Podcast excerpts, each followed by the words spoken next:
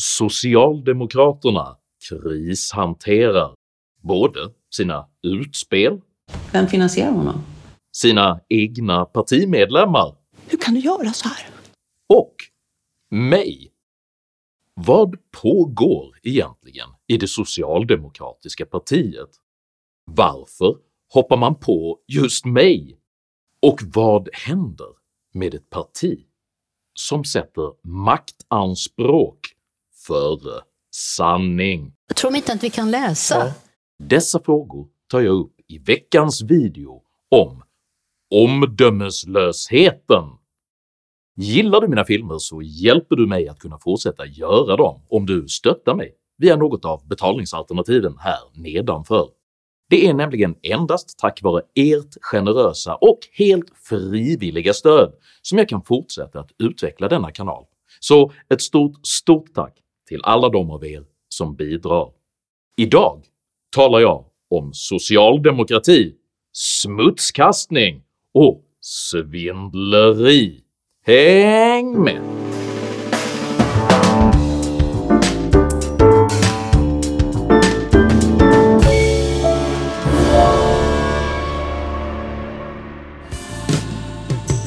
Time can never mend the careless whispers of a good friend.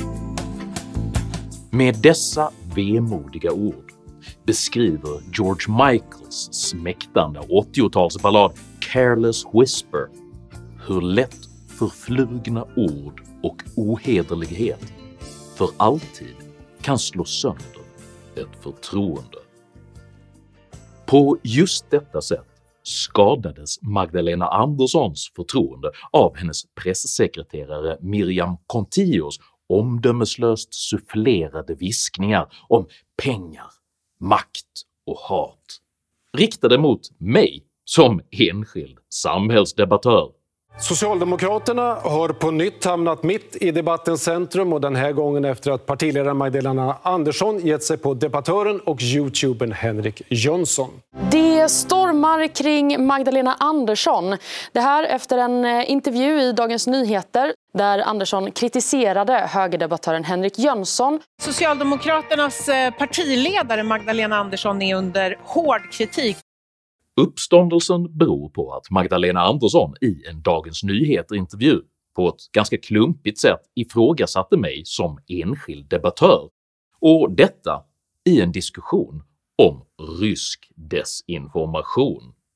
Det är alltid kontroversiellt när en tung politiker går till hårt angrepp mot en enskild journalist eller opinionsbildare. Och Magdalena Andersson är inte vem som helst. Hon är ledare för det socialdemokratiska partiet. Hon har varit statsminister. Hon vill bli statsminister igen. Det gör naturligtvis det här extra känsligt. Och så handlar det naturligtvis om sammanhanget när hon säger det här. Och det är ju, som vi hörde i inslaget, en intervju som till stor del handlar om riskerna för rysk desinformation i det kommande EU-valet. I det sammanhanget så lyfter hon då eh, Henrik Jönsson.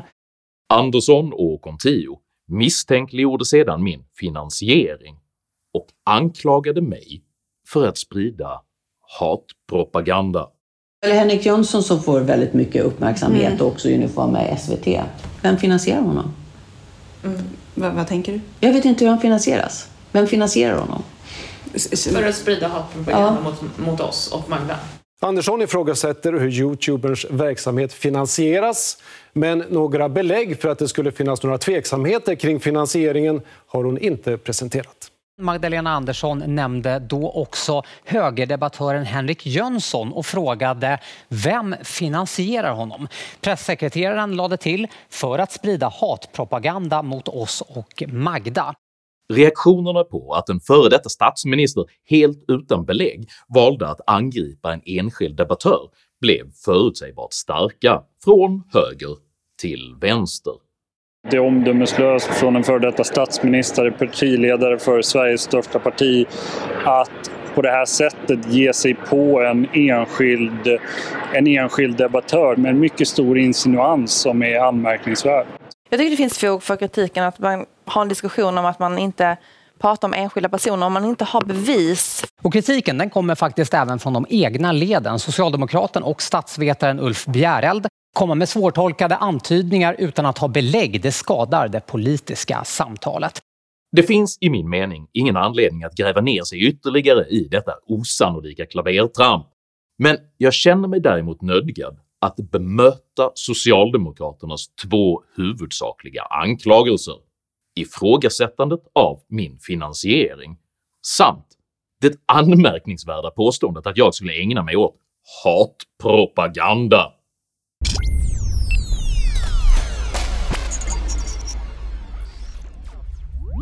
Jag har sedan sex år tillbaka producerat drygt 300 videokrönikor och intervjuer på min YouTube-kanal.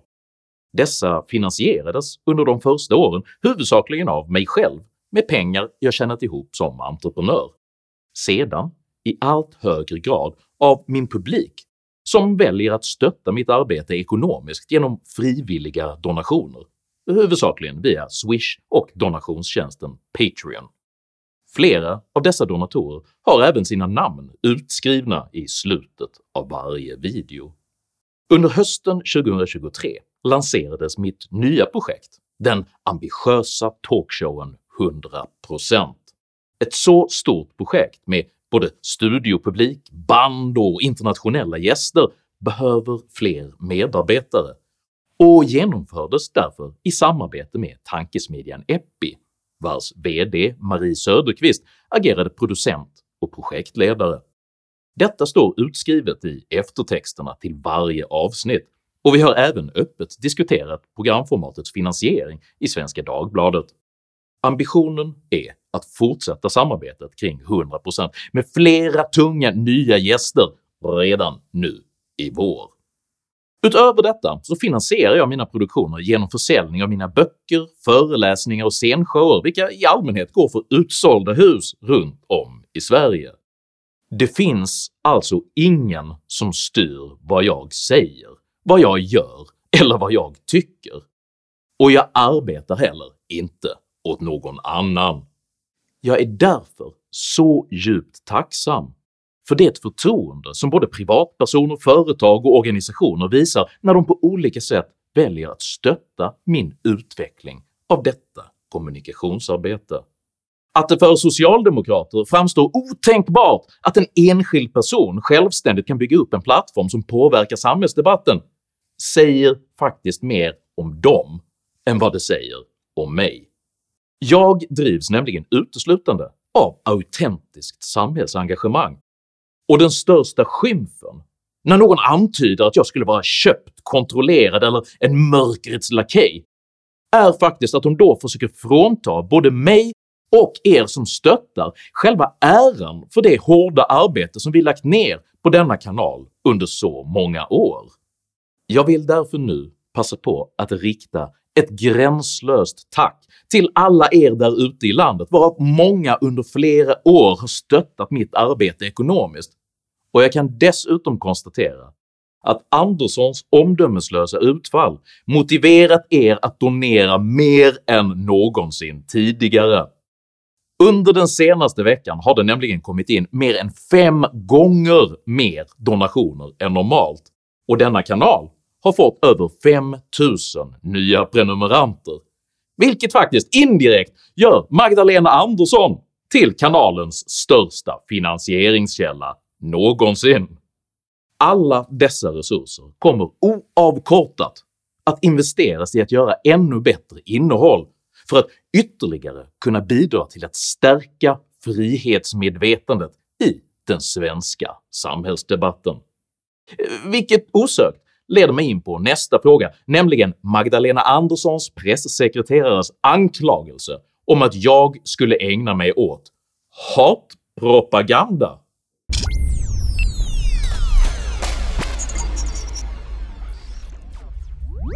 Kan man inte också rikta lite kritik mot dig som liksom piskar upp den här eh, stämningen, samtalstonen som ju så många tycker har gått för långt. Den här liksom ganska ja, negativa, kritiska, Negativ kanske till och med Har du tittat hatiska. på mina filmer? Nu pratar jag inte om mig. Pressekreterare Contios påstående att jag skulle bedriva hatpropaganda saknar stöd i verkligheten, vilket alla som tittar på mina filmer redan vet. Faktum är att jag avslutar precis varenda film med att inskärpa att jag inte accepterar aggression och personpåhopp utan konsekvent istället uppmanar till artighet. Jag vill även här understryka att jag inte heller hatar några partier eller politiker alls, men däremot ofta riktar skarp kritik mot politikers och partiers dåliga förslag, dubbelmoral och principlöshet. Att denna typ av kritik sedan ofta riktas mot just socialdemokratin säger än en gång mer om dem än om mig, men att högt uppsatta partiföreträdare förväxlar befogad kritik med hat röjer inte bara partiets lättkränkta självupptagenhet, det vittnar även om en organisationskultur som saknar beredskap på att utsättas för konsekvent och principfast kritik. För det finns inte någon skillnad mellan mina videokrönikor och annat opinionsmaterial utöver att mina videos är lite längre, kanske något mer satiriska och att jag med stöd av bild och ljud förmedlar ett personligt budskap i monologformat som dessutom når väldigt många människor. De som förväxlar detta audiovisuella monologformats genomslagskraft med ett högt och konfrontativt tonläge eller till och med med HAT avslöjar i min mening bara sin egen oförmåga att förstå och tolka sin mediala samtid. Tillhör du de som upplever opinionsmaterial med rörlig bild och ljud som någonting skrämmande så kan jag se till att du istället får mina krönikor levererade via fax. Skämt åsido, så bekräftar socialdemokraternas försök att underkänna även min välformulerade kritik som hat. Att denna typ av angrepp aldrig har handlat om vare sig ton, hat eller hot utan bara varit en strategi för att slippa bemöta sina kritiker i sak. Av samma anledning utlokaliserar socialdemokratin ansvaret för sina opinionsmässiga motgångar till allt från rysk desinformation till att de sociala mediernas algoritmer skulle vara emot just dem. Benägenheten att erkänna att det är partiet självt som misslyckas med både idéer, kommunikation och engagemang är obefintlig vilket naturligtvis innebär att inget av socialdemokraternas kritik egentligen har handlat om mig alls, utan om deras egen existentiella kris.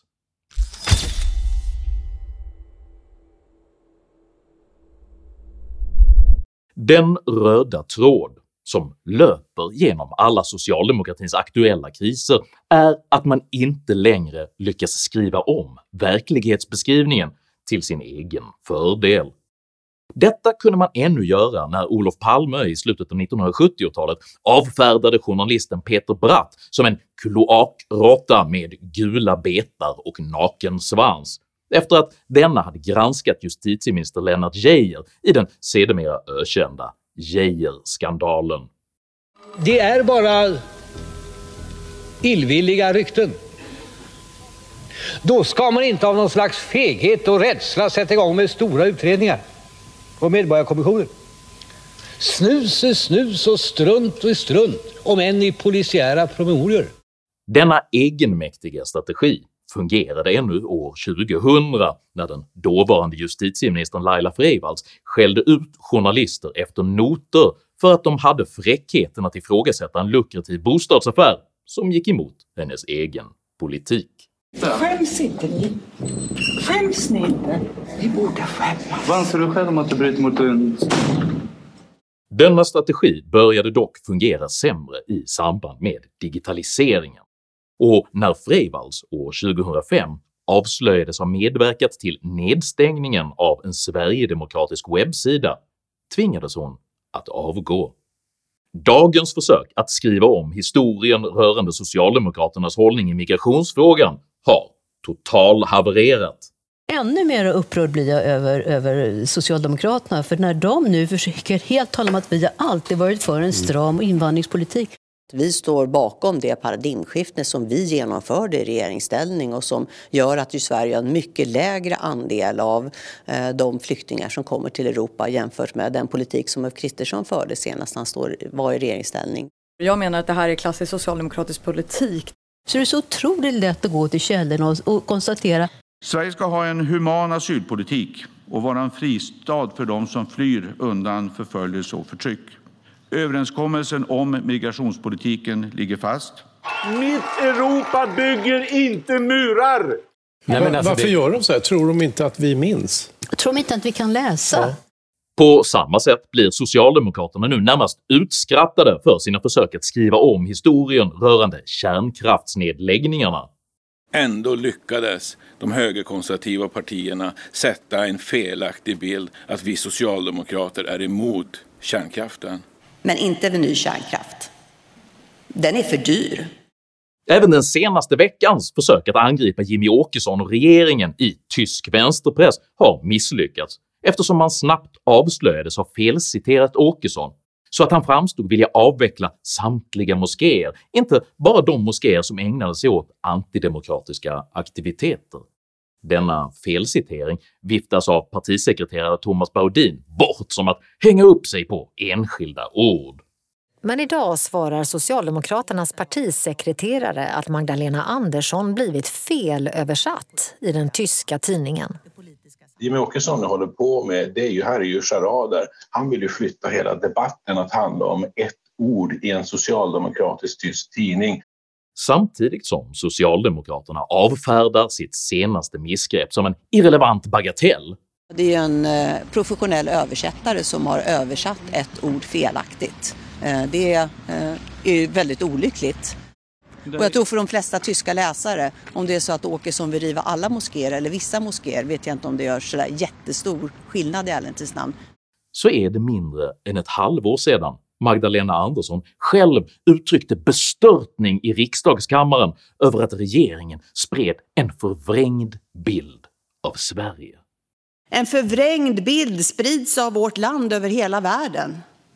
En bild av ett intolerant och hatiskt land. Allvarligt talat, hur kunde Sverige hamna här? Samtidigt beskrivs allt som skadar socialdemokratins maktintressen som odemokratiskt, destruktivt och direkt farligt, vilket avspeglas i partisekreterare Baudins bekymmerslösa funderingar på att lagstifta kring fri opinionsbildning efter att Andersson ifrågasatt mitt deltagande i samhällsdebatten. Jag ska säga, det är inte en enskild debattör som helst. Det är också så att statsministern har varit med i hans program så att det är en, en högprofilerad eh, debattör. Och då är det såklart viktigt också att, eh, att fundera över hur de finansieras. Om en högerpartiledare på detta sätt offentligt hade anklagat en enskild vänsterdebattör för att ägna sig åt hatpropaganda och sedan spekulerat i möjligheterna till lagstiftning, då hade socialdemokraterna beskrivit detta som ett hot mot demokratin, att 30-talet var här nu och att Ungern stod för dörren. Men när de själva gör det beskrivs övertrampen som relevanta och demokratiskt ansvarsfulla. Dubbelmoralen är lika flagrant som anmärkningsvärd och understryker det faktum att det för socialdemokratin aldrig spelat någon roll vad som egentligen är sant eller falskt, rätt eller fel, tveksamt eller hederligt. Bara det gagnar socialdemokratin. Den senaste tidens havererade försök till att skriva om historien till socialdemokraternas fördel ger dock en ganska sorglig bild av det forna arbetarepartiets tillstånd, där man framstår helt ha missat den digitala medielogikens möjligheter och istället fortsätter att bete sig som man gjorde när 1900-talets kontrollerbara envägskommunikation dominerade det massmediala landskapet.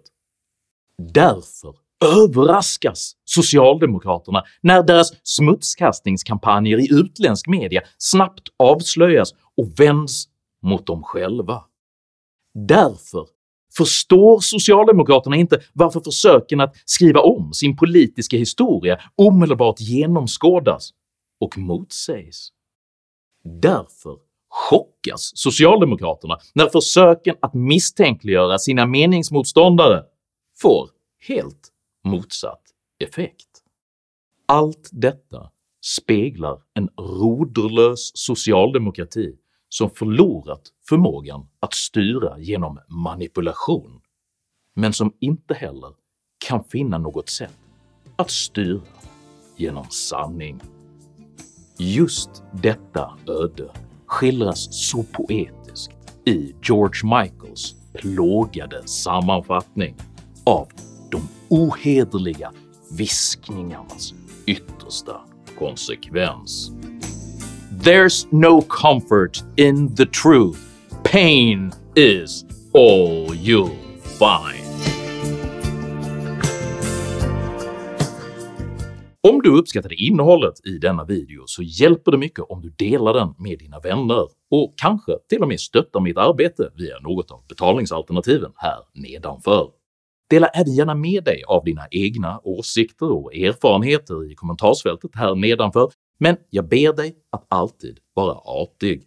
Jag accepterar inte aggression, personpåhopp eller rasism i mina idédrivna kommentarsfält. Tack för att du som kommenterar respekterar detta. Jag heter Henrik Jönsson och jag anser att politiska misstänkliggöranden av enskilda debattörer skadar Sveriges demokrati.